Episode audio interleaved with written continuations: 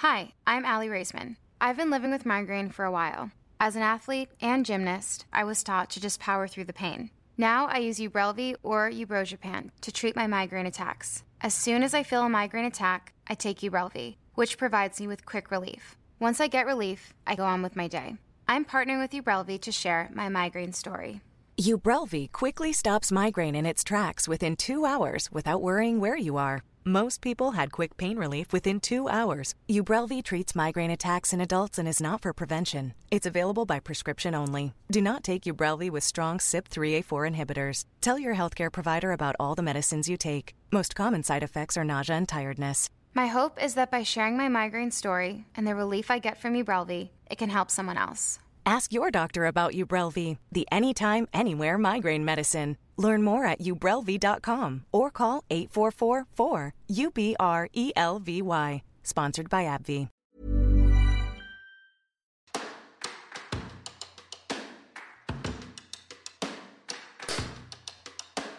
Perfekt. Ja, då kör vi då. Yes. Eh, Hej och välkommen till Sanningen bakom masken. Hallå Alexander, hur mår du? Hej Roger, det känns så långt bort nu. Ja, jag ser det Men, knappt. ja, ser dig knappt. Jo, jag mår bra. Hur mår du själv? Kul Ja. att ha dig tillbaks. Ja, tack, tack så mycket. Ja, Som ni ser så har vi gjort lite förändringar här i studion. Och ni får väl säga om ni tycker om det eller inte. Men många har ju sagt att de vill att vi ska börja podda. mm. Och då tänkte vi att vi slår två flugor i en smäll.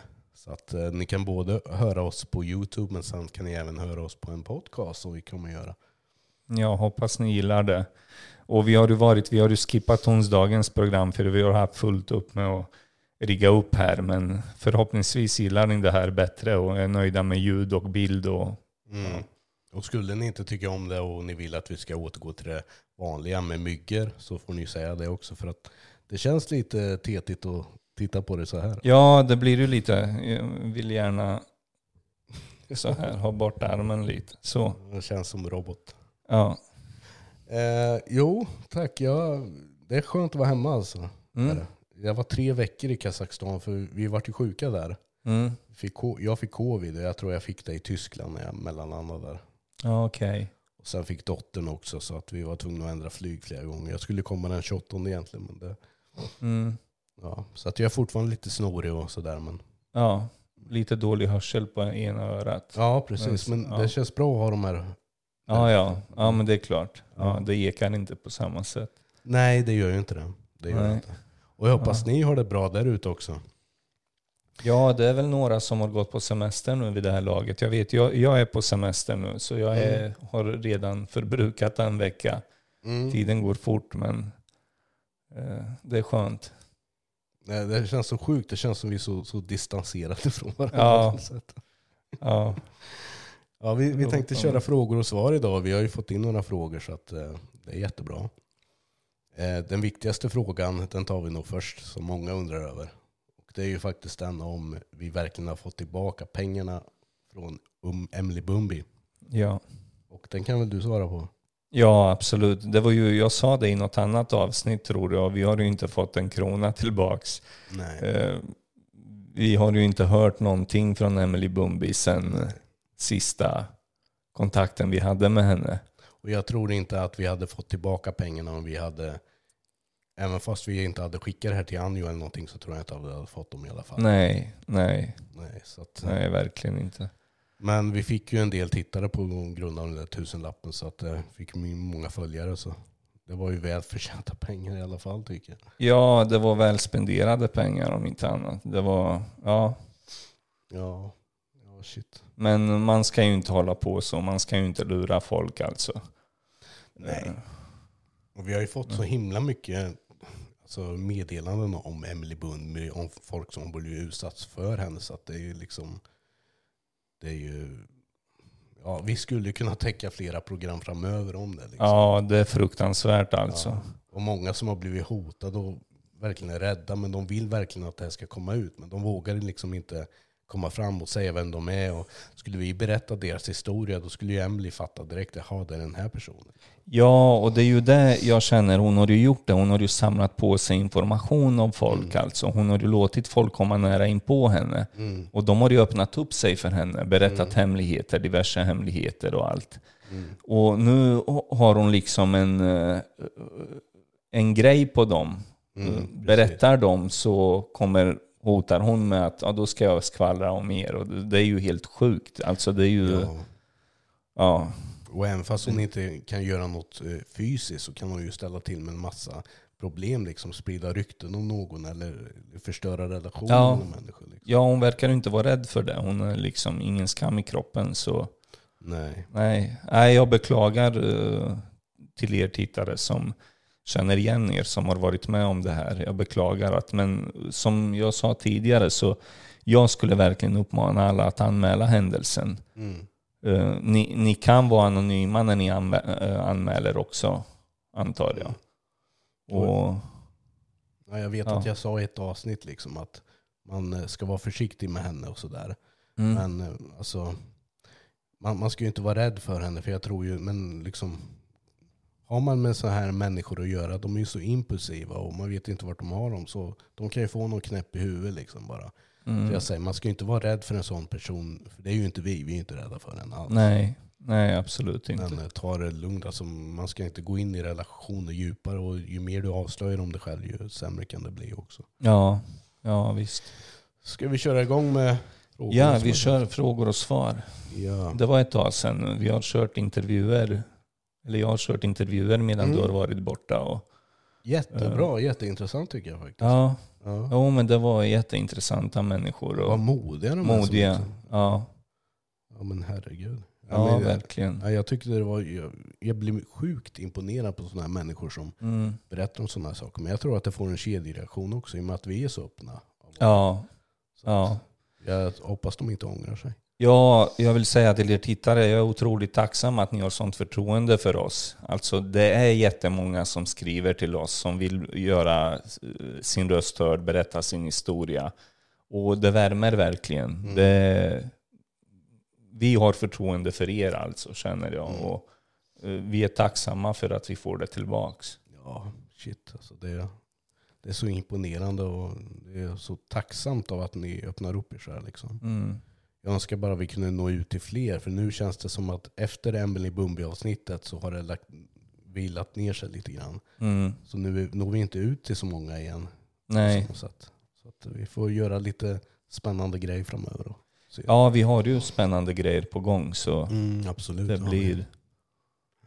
Jag kan tycka så här, det, är, det är synd om vi inte når ut till fler när folk öppnar upp sig så som de gör. Men Ja, det, det kommer säkert. Det kommer. ja absolut. Och vi har våra lojala följare, tittare. Absolut. Alltså det Absolut, det har vi. värt jättemycket. Ja, Jag funderar på de här jävla armarna nu. Alltså, fan, man kanske skulle ha fästa dem här, för vi ser ju fan inte varandra. Liksom. Fästa dem på andra sidan liksom. Ja, på något sätt. Ja, ja. Det, Men Ha något bord och sen... Ja, Ja, det ja känns, men det väldigt, kanske går. Men det det, känns väldigt opersonligt det här. Liksom. ja, men jag känner ändå att jag liksom... Jag ser dig. Jag Ja, har vinklat och det... Ja, precis. Och som sagt, tycker ni om den här uppsättningen så fortsätter vi med den. Men tycker ni vi ska ha myggorna så får vi ta det också. Ja, Vi ska ha myggor när vi är ute och gör grejer har vi myggor givetvis. Mm. Yes. ja, Ja, men vi kör väl igång då. det gör vi. Uh, ska vi se vart jag har gjort av frågorna. Tack för alla frågor och alla funderingar och, som ni ställer till oss. Mm. Det blir svårt för oss att hitta på eget liksom. Ja. Så det uppskattas. Absolut, det gör det. Yes. Då ska vi se då i vilken ordning jag ska börja. Mm. Vad är en äkta vän för er? Mm. Ska jag börja? Ja, gör det. Ja. Jag sa ju i förra avsnittet tror jag att en äkta vän för mig är någon som jag kan öppna upp mig för, någon jag kan tala om allt med.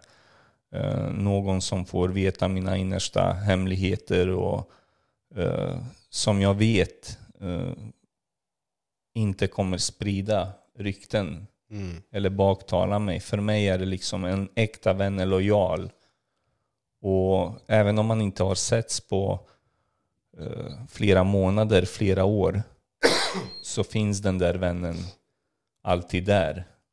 Mm. Och man kan ringa den här personen och tala om vad som helst egentligen, trots att det har förflutit flera år. Mm. Så det är någon som verkligen, alltså... Jag tror man känner igen det själv ganska snabbt, vem som är en äkta vän. Mm. Men så är det för mig i alla fall. Mm. Vad tycker du Roger? Ja men det är bra, jag håller med dig där. En äkta vän för mig det är ju någon som jag känner som alltid always got my back om man säger. Liksom. Mm. Att, eh, jag kan alltid lita på den personen. Och, för det är så, jag, min erfarenhet är att många vänner som man har haft liksom, på något sätt har man fått reda på sen liksom baktalar en i smyg. Liksom, och Mm. kappan efter vinden och det där har jag väldigt svårt med. Alltså. Mm. Har du haft sådana erfarenheter också? Ja, absolut. Mm. Jag talade med en person igår om vänner som jag har haft väldigt stort förtroende för. Jag, jag är väldigt lo- lojal som person. Mm. Eh, Vissa skulle säga godtrogen. Jag har ju sagt det också att jag tycker inte det är fel att vara godtrogen. Nej. Det är om man blir utnyttjad, det är ju den personens liksom problem. Ja. Men det är som du säger, jag har blivit sviken av ett antal vänner. Mm. Men eh, nu vet jag, nu har du ju kunnat välja bort dem också. Mm. Alltså då är det... Eh, jag är fortfarande godtrogen kanske och jag litar på människor. Jag vill inte bli bitter men eh, gäller att vara försiktig och sätta gränser. Och, Mm. ja, Och det är som du säger, man känner av när man har en bra vän i sitt liv. Man känner det på personen liksom, tror jag också. mm, För eh, jag menar, när, man- märker liksom att ja, men den här personen står på din sida liksom, och ni är så pass tajta och allt det där. Alltså det, det är så himla viktigt att känna att he's always got your back. Liksom, att, på något sätt. Det, det, är tryggt, det är en trygghet. Liksom. ja, ja, verkligen. Och många gånger är ju en bästa vän och det är ju bättre än en familjemedlem många Mm. gånger kan jag känna. För man kanske inte vågar tala om med familjen om vad Nej. som helst. Men en vän liksom förstår en på ett helt annat sätt. Utan att döma. Mm, precis. Sen får, Så. man ju, sen får man ju tänka på det också, när man har varit vänner ganska länge med åren så blir man väldigt bekväm med varandra och då kan det ju bli liksom att man blir irriterad och att man kanske säger saker som man inte menar och att man kanske blir trött på varandra. Men jag menar, det är ju naturligt det också. Ja, det absolut. Och det, det är som du säger, att ändå kunna komma tillbaks då mm, efter ett bråk eller ett tjafs eller vad man nu har haft. Mm. Och liksom båda känner varandra och det är liksom det är bara att stryka över det. Det är liksom sånt Mm. som händer. Precis. Eh, Som ett giftermål nästan. ja. Alltså man eh, retar upp varandra och irriterar varandra men i slutändan så... ja, så funkar det. Liksom. Ja, precis. För jag tycker man ska nog passa sig för det där också och prata bakom ryggen. För att ibland så kanske man inte vågar säga saker till personen när, när, som du då, när du sitter här. Mm. Då kanske det är lättare för mig att producera min ilska till någon annan och säga ja, och Alex gjorde så här och bla bla bla. Liksom. Sånt där ska man nog akta sig för. Ja, liksom. absolut. För det, är, absolut. det är nog bättre att ta det med personen istället. Liksom. Mm. Mm. Det är nog det mycket som förstör vänskaper också. Att folk börjar snacka bakom ryggen för att de inte vågar prata med personen. Ja, Jag vet inte då är det ju inget, då känns det ju liksom som att då är det inte riktigt så djupt vänskap heller. Om man inte vågar Nej. berätta för varandra. Ja, Men det finns ju personer som, har, som är konflikträdda också. Ja absolut. Mm. Men för så där är det ju familjemedlemmar också, i familjerelationer. Att man kanske inte säger till mamman eller systern eller brodern utan man säger till någon annan ja, jag är så trött på honom och så där är det liksom. Ja.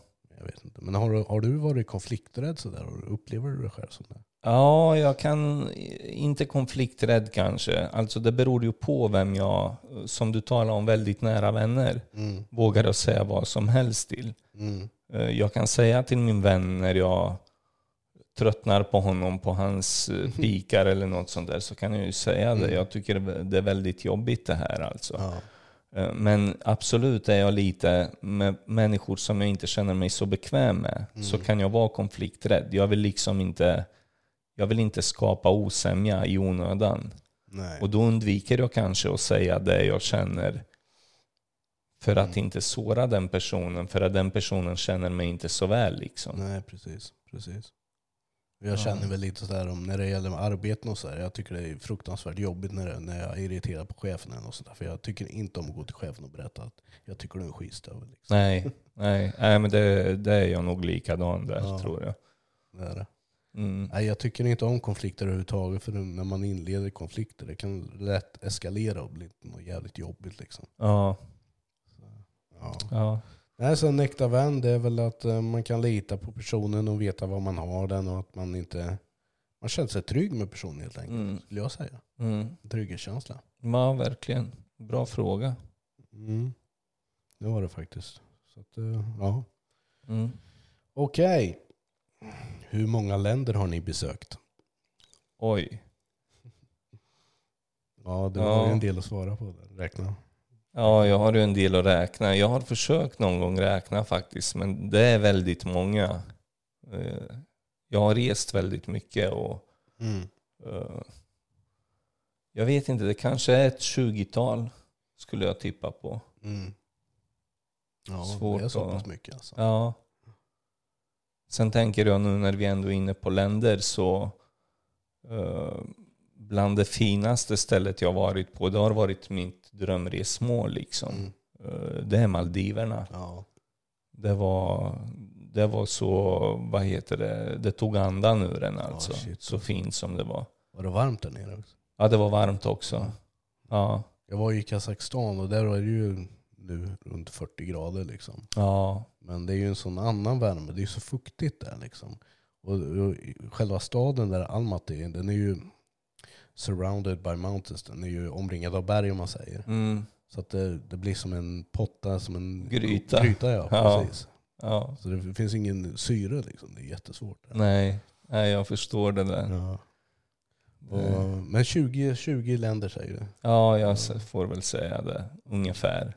Jag har ju varit i Kazakstan, Sankt Petersburg, Italien, Turkiet. Eh, sen var jag i Tyskland och sen har jag varit i eh, ja, men shit, Tyskland och sen var jag i ja,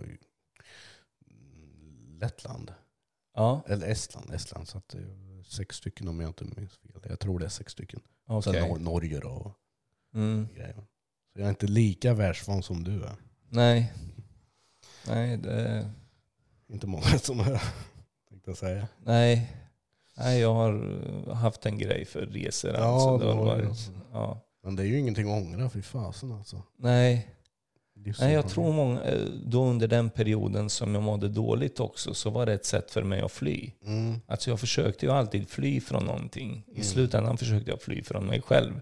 Det gick ju inte så bra, men resorna kunde jag liksom...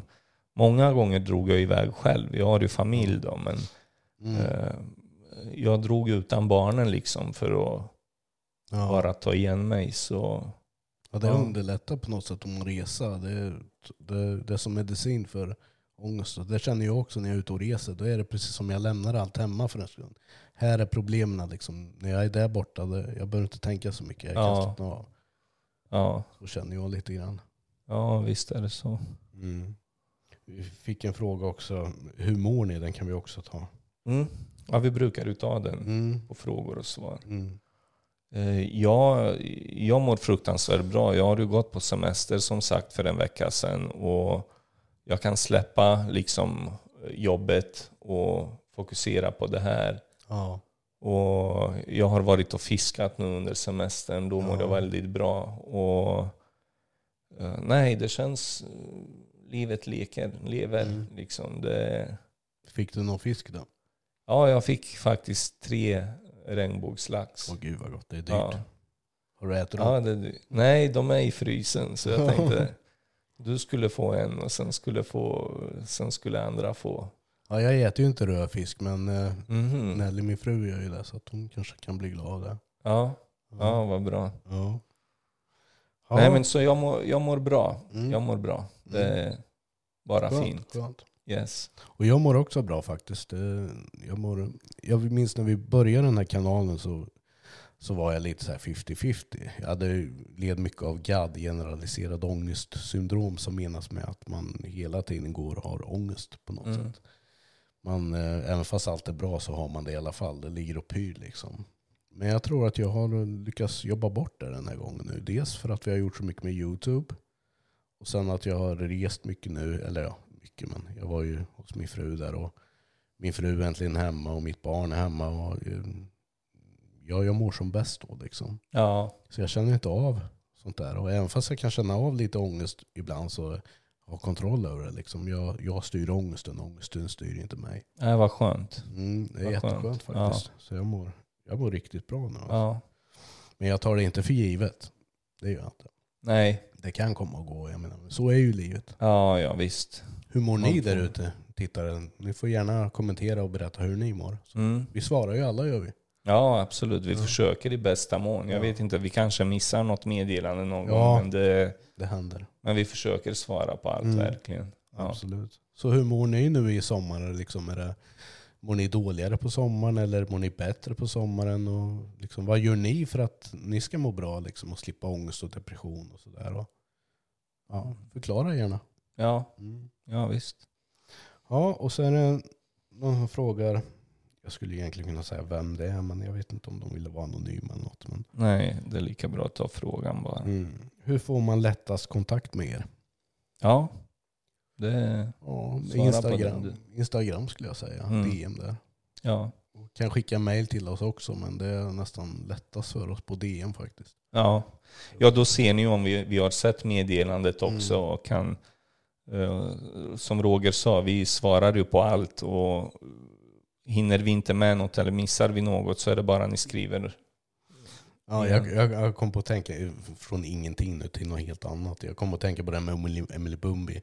Vi fick ju ett meddelande från en man, jag vet inte om du har sett det. För jag, Ja, jag har sett det. Ja, han, eh, han sa att han, han kunde göra en intervju med oss och han hade saftiga saker om Bumbi. Men han ville ha tusen kronor. Och han behövde inte ha pengarna i förskott men han ville ha dem när vi hade intervjudagen. Ja, Och jag sa det att eh, alltså, nej vi, vi gör inte så längre och sådär. Men han gav sig inte utan sa det, varför gör ni inte det? Är Liksom inte, är inte jag lika speciell som Emily Bumbi? Och, Ja, det var... Det, alltså vi vill ju säga till folk det här med de här pengarna vi gav till, eller vi betalade Emily Bumbi för intervju. Det var ju liksom, det var en engångsgrej och det- var bara för att vi kände sånt medlidande med henne. Eh, Vi, vi har inte råd att betala för intervjuer och allt sånt där. Och, eh, ni ska veta att de personerna som är, eh, vad heter det, som är så modiga och ställer upp på intervjuerna, vi betalar ingenting till dem. Eh, De tar sig skit eh, självmant. De eh, eh, står oftast eh, för resan, eller de står för resan. De, eh, vi tar inte betalt av dem och eh, så är det bara. Vi kommer inte göra det. Det är liksom, nej. eh, det där var en engångsföreteelse.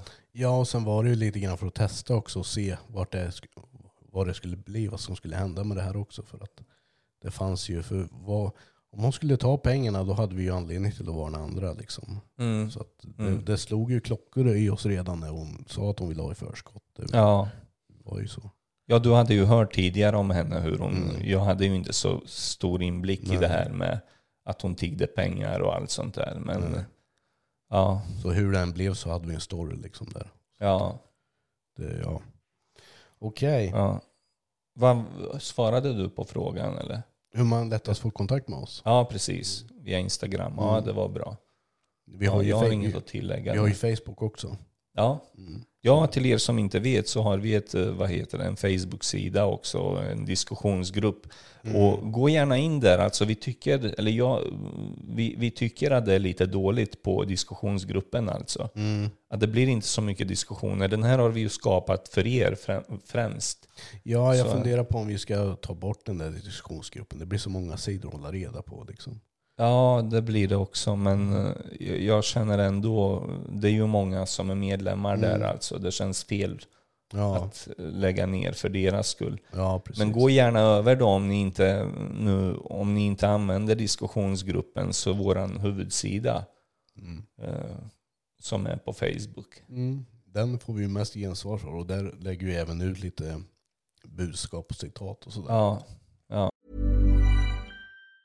Hi, I'm Allie Raisman. I've been living with migraine for a while. As an athlete and gymnast, I was taught to just power through the pain. Now I use Ubrelvy or Ubrogepant to treat my migraine attacks. As soon as I feel a migraine attack, I take Ubrelvy, which provides me with quick relief. Once I get relief, I go on with my day. I'm partnering with Ubrelvy to share my migraine story.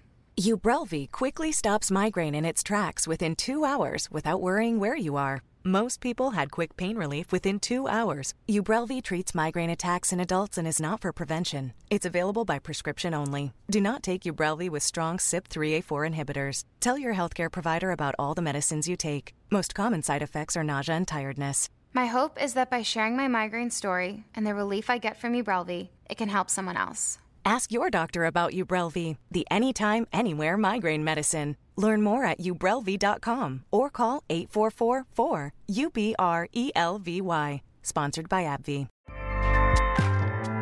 ACAST powers the world's best podcasts. Here's a show that we recommend. Hey friends, it's me, Sharon McMahon, longtime government and law teacher and host of the Sharon Says So podcast. Each week on Sharon Says So, I do a deep dive into fascinating historical stories, state by state, to share the history of America that you probably haven't heard. I bring you stories of espionage, sled dog heroes, presidential scandals, changemakers, law defiers, and more. And weekly, I have some of the nation's most prolific thought leaders and creators. We talk about a huge variety of fascinating topics. New episodes of the Sharon Says So podcast are released every Monday, Wednesday, and Friday, and are available on the ACAST app or wherever you like to listen. Tune in and subscribe today for your fill of brain tingling moments. ACAST helps creators launch, grow, and monetize their podcasts everywhere. ACAST.com. Yes, um, okej. Favoritmat samt dryck? Okej. Den frågan får man ju så ofta, men man är lika, den är lika svår och oförberedd jag att svara på. Mm. Så vill du börja så kan jag fundera Ja. lite. Det kan jag göra. Ja. Eh, favoritmat? Ja, jag älskar ju allting som har med köttfärs att göra faktiskt. Jag är en riktig köttfärsnörd alltså. Mm. Så när det kommer till köttbullar, eh, köttfärslimpa, Tacos. tacos, lasagne, allting biffar, allting som görs med köttfärs liksom. Mm. Tycker jag om. Eh, och favoritdryck, ja det måste jag väl säga kaffe generellt. För jag dricker ju kaffe jätteofta. Alltså. Ja. Men när det kommer till dryck så ja. Jag gillar Trocadero, eh, Coca-Cola, Zero, eh, vin, öl. Mm. Du väntar på det. Jag väntar Jag på såg den. det. Ja. Ja. ja, nej, men öl är jättegott. Speciellt på varma sommardagar. Ja. Oh, ja. Fy fasen. ja. Ja, så att, eh, Verkligen. jag, åt, jag åt häst i Kazakstan faktiskt. Jaha. Ja, det är en väldigt eh, populär Okej. delikatess där nere. Okej. Ja. Vad tyckte du om det? Det smakar som älg ungefär. Ja, lite mer eh, vilt. eh, Ja, lite vild magert kött och det. Ja, okej. Så att det var, det, det, jag kände ingen skillnad på älg och häst faktiskt. Nej. Det var så roligt för i Kazakstan, min fru kom ju därifrån. Och hon, eh, första gången hon var här i Sverige, det var 2017 tror jag. Så eh, besökte vi min syster och systern hade ju en häst. I, så gick fri från hagen och min syster, Ja, okej. och min syster ville ju visa Nelly. då, Ja, det här är min häst liksom. Och sådär. Mm. Åh vad fin, vad fin. Och, ska du äta den sen? Så. ja, den är inte populär bland hästägare. Nej. Eh, Först ska hon rida, sen ska hon äta den. Ja, precis. Ta vara på allting liksom. Ja, Ja. det, det är nog många där ute som reagerar på det där att man äter hästar kanske. Men det, jag vet inte. Det, för mig, jag tyckte det var lite osmakligt innan jag skulle äta häst. För de tjatade på mig jättemycket där nere. Okej. Ska prova. Okej. I och med att vi det är som ett husdjur här i Sverige så är det lite... Ja, det tänkte- känns lite fel ja. Ja det gör ju det. Ja, Jag tänkte jag måste försöka. ja. Det, nej det var inte så dumt. Nej. Och jag, hade ju häst hela tiden. Jag äter häst, häst, häst, häst, häst. Men det smakar som älg liksom. Ja, Så det, Ja. Du då? Ja, jag är inte så... eh, Jag tänker alltså verkligen, jag är inte så kräsen när det kommer till mat. Nej. Eh, Men eh, så här lite ovanligare som jag verkligen tycker om, det är sushi. Mm. Men sen gillar jag kött av alla slag alltså Mm. också. Eh, Verkligen alltså. Jag gillar väldigt mycket nötkött faktiskt. Mm. Eh, Tycker det är bland det godaste som finns. Men eh, ja, det, det skulle nog vara sushi om jag får säga favoriträtt. Det är svårt, jag har flera favoriträtter. Men om jag säger sushi och sen dryck, ja det är nog öl Mm. Ja. alla gånger. Och sen gillar jag, som du sa där, kaffe. Mm. Jag dricker ju kopiösa mängder, mängder kaffe. Mm. Eller gjorde tidigare, jag har lugnat mig med det lite. Men... Mm. Och ja, det är väl det. Alkoholfri dryck skulle väl vara enkelt och alltså det jag alltid kan dricka det är cola. Mm. Så det, det är inget konstigare än så liksom. Nej. Nej, jag dricker ju alla drycker. Jag är inte så kräsen faktiskt heller. Sådär. Inte i Nej, mat heller direkt. nej. Jag tycker om fiskbullar. Och torsk med äggsås. Och så. Ja, det är gott. Fisk är också gott. Så där i vissa. Men jag äter ju inte all fisk. Men vissa. Nej. Ja. Ja. Mm, ska vi fortsätta? ja, det kan vi göra, Mm. absolut. Berätta vart ni träffades för första gången. Mm. Vi Det träffades på en eh, behandling faktiskt. Ja. Mm. Nu, nu är det ju väldigt sådär tabu, vi får inte säga vad det är inom sådär. har jag Nej. mig. Så att, men eh, vi hade, eh, det var en behandling för hans, eh, för Alex eh, spelmissbruk. Mm. Och sen var det för mina tablettmissbruk som jag hade. Ja. Benzo. Mm. För varje gång jag går av dem så måste jag nästan ha stöd för att jag tycker det är så himla jobbigt. Liksom. Mm. Så det är skönt med de här stödgrupperna. Som ju, då sitter vi i grupp liksom och alla har olika erfarenheter och beroenden och vi sitter och pratar med varandra. Och, ja, det är riktigt skönt faktiskt när man går igenom sådana här saker. Och vi lärde ju känna varandra på djupet ganska väl. Alltså, för vi talar ju som du sa om väldigt djupa grejer och öppnar upp oss för varandra. Inte bara du och jag utan resten av gruppen. Och ma- på kort tid så lär man känna varandra bättre än jag har fått lära känna många av mina andra vänner under flera års tid känner jag. Just för den här öppenheten och allt sånt där. Mm. Och ja, jag och Roger klickade direkt. Det var liksom... Ja, det gjorde vi. Och eh, jag ska också säga det att eh, innan jag gick den här behandlingen så var jag inte alls lika mycket för att öppna mig. Jag är ju ganska sluten liksom. Jag tyckte att eh, mina problem var ingenting an- andra med att göra liksom. nej. Så jag har lärt mig så himla mycket av att gå de här självhjälpsgrupperna. Så Mm. man, det, det är så skönt att kunna ventilera liksom, och ingen dömer en där. Liksom. Det kanske de gör ändå, men Ja, det är ingen som... nej, ingen när man är Säg- där. Liksom. nej. Nej. Nej. Så att, jag, tyck, jag tyckte om den där gruppen vi hade väldigt bra. Alltså. Ja, det var väldigt bra. Det var väldigt bra period för de flesta av oss i den Mm. gruppen. Vi kom ju Ja. överens. Det är inte oftast eh, tio personer kommer överens allihop Nej. alltså. Men vi hade liksom våran grupp och det var... Ja, vi skrattade och vi, Ja, vissa grät och, och sådär. Så det, var, det var som en familj. Liksom. Ja. Så att ja verkligen. stöttade varandra. Så att, ja, det var så Mm. vi träffades. Ja. Mm. Och eh, ja, jag kände väl ganska direkt där liksom, att jag tyckte bra om dig. Liksom, fick ett bra intryck. Mm. Satt där. Så jag hade liksom tanken, för att jag hade ju innan att jag ville göra någon podd av något slag och att jag ville hjälpa människor på något sätt. Ja. då satt jag och tänkte på det, att det där är en människa som jag skulle kunna göra sånt här med. ja. Och jag har ju alltid, jag har ju varit lite sådär att när jag går in i någonting så går jag all in. Mm. Och det har varit svårt mm, när jag kom in på behandlingen så var det liksom jag försökte hitta vad min grej var. Och det var ju så, precis som du sa, jag ville också jobba med någonting som, Mm. där man kan hjälpa människor. Mm. Men som läget var alltså, det var svårt för mig i och med att jag har barn och studera och jobba samtidigt och allting. Eh, Så mm, när du nämnde det här med podd, då var det liksom som en ringklocka i mig. Typ det där ska du, det där är Mm. Grejen alltså. Och det har ju känts rätt sen dess alltså. Ja, det är många som har frågat om var Tobias är någonstans, han som var med i första avsnittet. Mm. Och det var ju faktiskt hans idé från början. Mm. Jag hade ju de här planerna i huvudet, men det var han som sa det. Att han, han kände någon som tyckte att han skulle göra en podd om beroende. Ja. Då frågade han om vi skulle vara med och kunna hjälpa till där. Mm. Och, eh, alltså, vi tar gärna med honom fler gånger. Alltså. Vi tyckte om honom. Men eh, vi, jag, jag tycker väl, jag ska inte prata för dig nu, jag ska väl tycka Nej. jag att alltså, det här är så himla mycket jobb än vad ni tror. Liksom.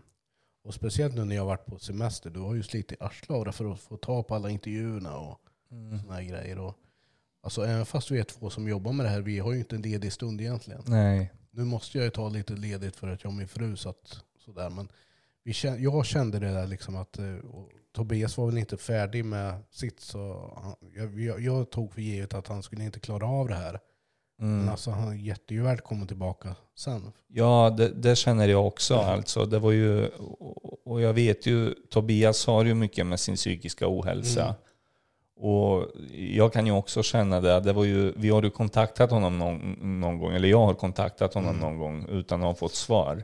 Mm. Och då har jag liksom tagit för givet att det kan, kanske inte är i någon bra period i livet så jag får liksom Nej. backa också där. Och, Och, och det går inte heller liksom om vi ska planera. Sen har vi en deadline och sen blir det inte så. Liksom. nej, precis. Vi måste hålla i det här. Ja. Det måste vara Mm. en rutin på det liksom. Ja, precis. Ja. Men som sagt, eh, vi kan ju höra om Tobias vill ha med sen. Och sådär. Mm. Så får vi se vad framtiden visar. Och Vi tycker jättebra om Tobias. Ja, absolut. Absolut. Det skulle vara kul att ha Ja. honom här. Absolut. Ja. Berätta om er värsta period i livet. Inte sjukdomar utan någonting helt annat. Någonting helt annat. Och nu tänker du, jag öppnar ju mig ganska väl på sista avsnittet jag gjorde där. Så Mm. titta gärna på det, ni som inte har tittat. Det finns mycket att veta om mig. Jag har haft mycket dåliga perioder, men värsta perioder, inte om sjukdomar, eller vad stod det?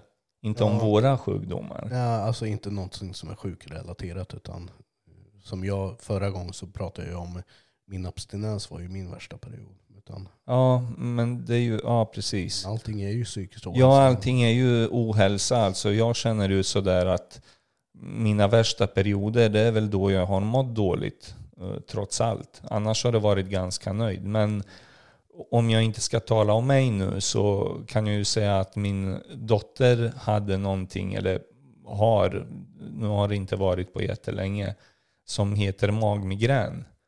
Och hon har ju liksom cykliska kräkningar och eh, väldigt smal från början och sen när hon har haft det här så har hon liksom gått ner i vikt ännu mer. Och det, det var en period då det där hände väldigt ofta.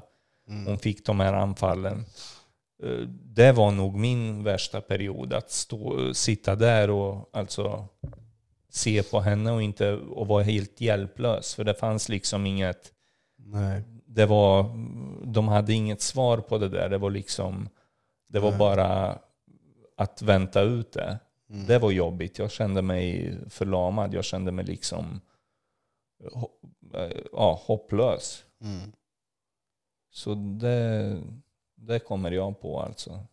Det där är nog någonting som är väldigt svårt när man, speciellt när en familjemedlem och sådär, om dotter eller son eller något sånt där, att när den har problem. Och så när man är hjälplös för man kan inte hjälpa. Nej, Det precis. måste vara jäkligt jobbigt. Alltså för som fader så ska man ju kunna fixa problemen som sina barn Mm. går igenom. När man inte kan det, då känner man sig ganska hopplös. Ja, jag önskar ju många gånger att jag hade fått det. Alltså, då Mm. hade jag ju vetat vad det var. Men liksom när hon höll på och kräktes hela tiden. Och, eh, det här var ju en gång på fem minuter alltså. Ja, I fyra dagar i sträck. ja. Tills hon fick dropp.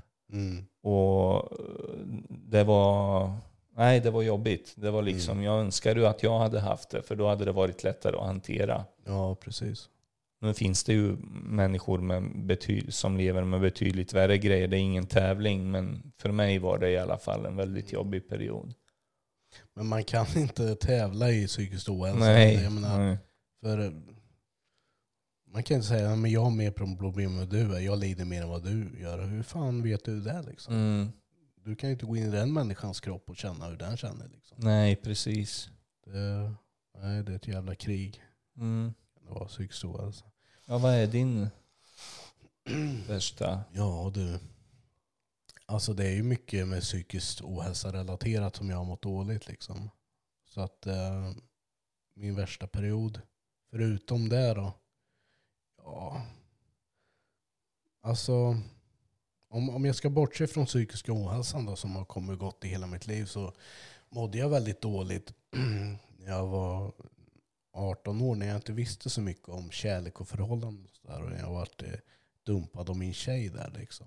Mm. Då kändes det som hela livet var över. Och, eh, I och med att jag hade ingen redskap på någonting. Utan jag trodde ju liksom att träffar man någon, någon då, liksom, då ska man hålla ihop resten av livet. För det hade vi planerat. Liksom. Så det, det var väl någonting som var väldigt jobbigt. Och för då mådde jag nog dåligt i alla fall ett års tid tror jag. På brottet. Men skulle det hända idag så skulle jag inte känna samma sak. Men jag minns att jag mådde fruktansvärt dåligt. Jag åt ingenting.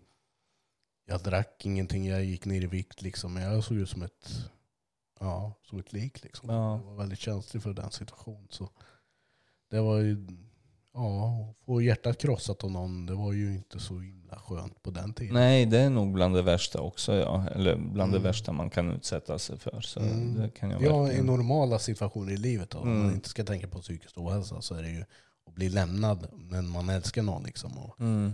det, det är nog jobbigt. Ja. Eh, fick en Ja. fråga till här. Jaha. Mm, ska vi se. Har ni lust att berätta exakt vilka mediciner eller substanser ni har använt och varför har vi använt dem? Okej. Får vi berätta om mediciner och sådär? Ja. Funderar jag på. Ja, varför Det skulle är vi inte okej. det? Ja. det? Nej, men jag bara under, funderar på det. Ja. Nu tänker jag på mediciner alltså som vi har ätit mot psykiska ohälsan då. Mm.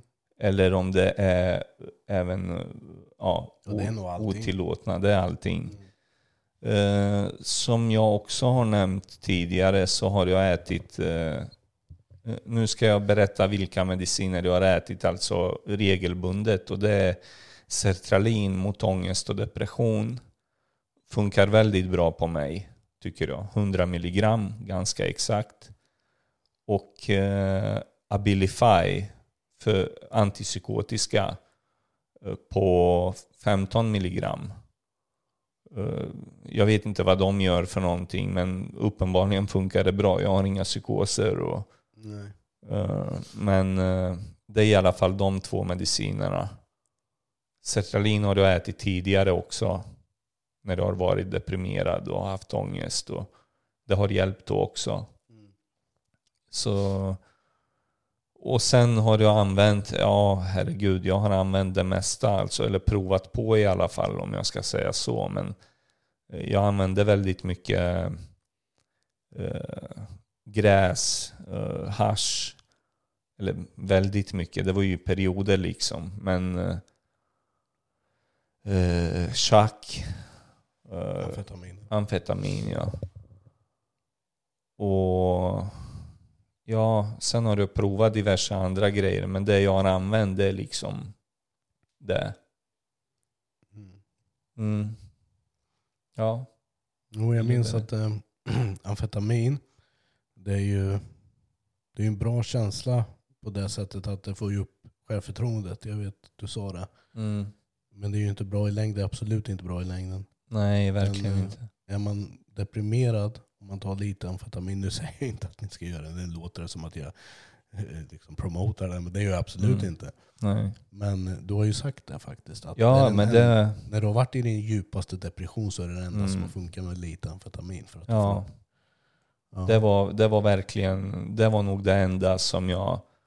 Jag vet ju att då när jag mådde som sämst så önskade Mm. jag nästan att jag fick det utskrivet Mm. alltså.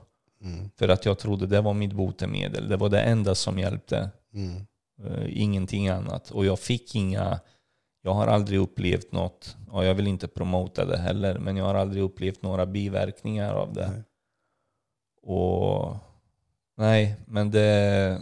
Fast det jag är finns ju fri från det. Och, Det finns ju biverkningar. Ja, absolut finns det det. Ja, men herregud, vi har ju talat med människor som har förlorat tänder och vad heter det, hjärnan blir så pass skadad och det, det går inte att reparera något sånt alltså. Nej, det här är ju ingen hemlighet heller. Det här är ju ingen hemlighet heller. Men Tobias fick ju psykoserna utlösta på grund av amfetamin. Ja. Och så.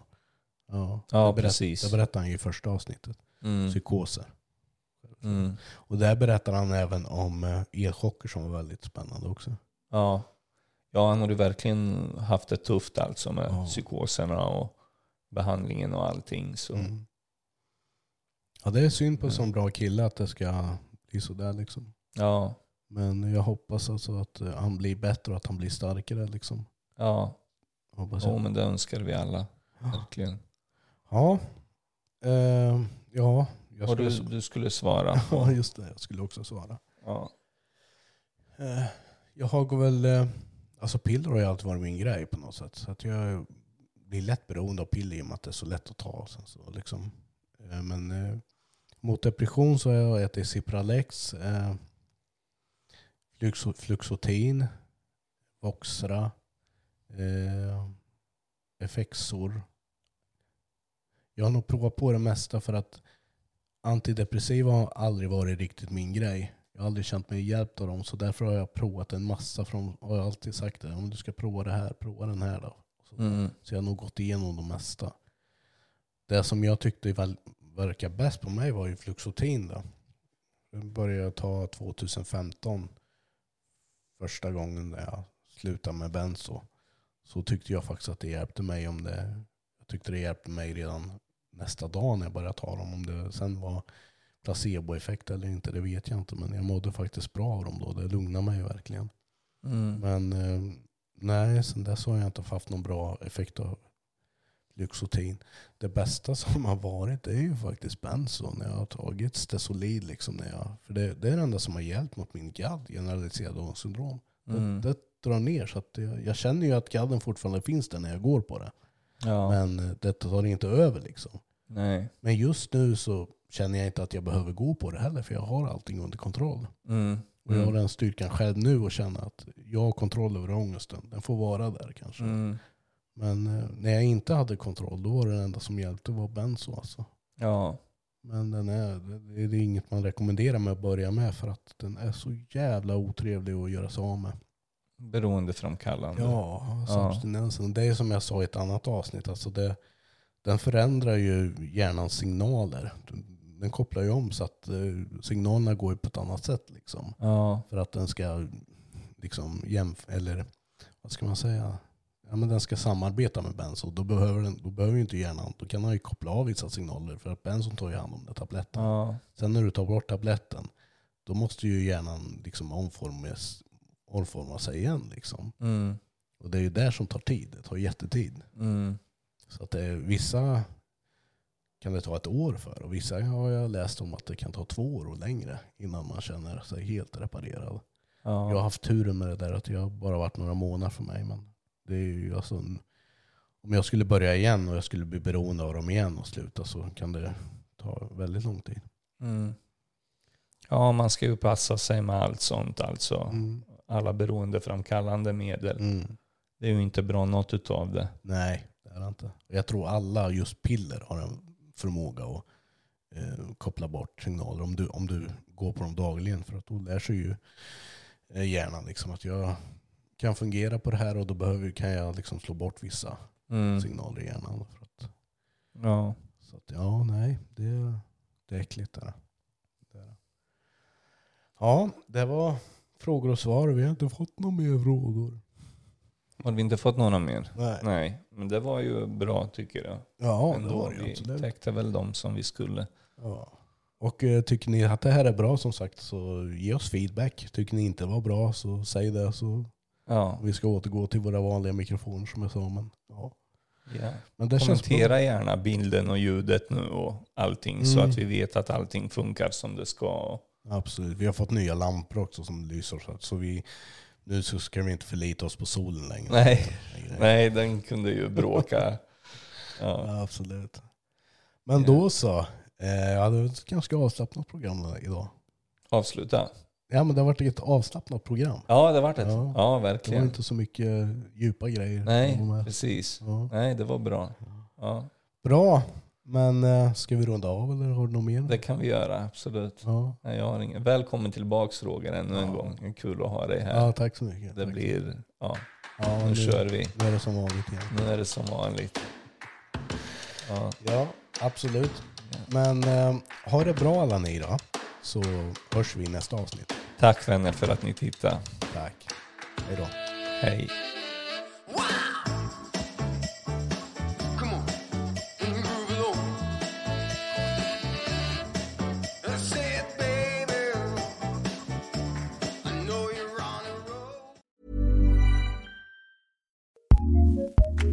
ACAST powers some of the world's best podcasts. Here's a show we recommend. It's the question that's on everyone's mind. How do you live a good life? How much do work, health, relationships matter? What about happiness, meaning, money, and love? What if you're alone or anxious, ill or in pain? These are the questions we explore weekly on the top ranked Good Life Project podcast, hosted by me, award winning author, four time industry founder, and perpetual seeker, Jonathan Fields. Every week, I sit down with world renowned experts, iconic writers, and researchers. And while everyone from Olympic gold medalists to world shaking activists, A list celebs, musicians, and more, all with a single goal to help understand what it truly takes to live a good life and to feel a little less alone along the way. Listen to the Good Life Project podcast on the ACAST app or wherever you get your podcasts. ACast recommends.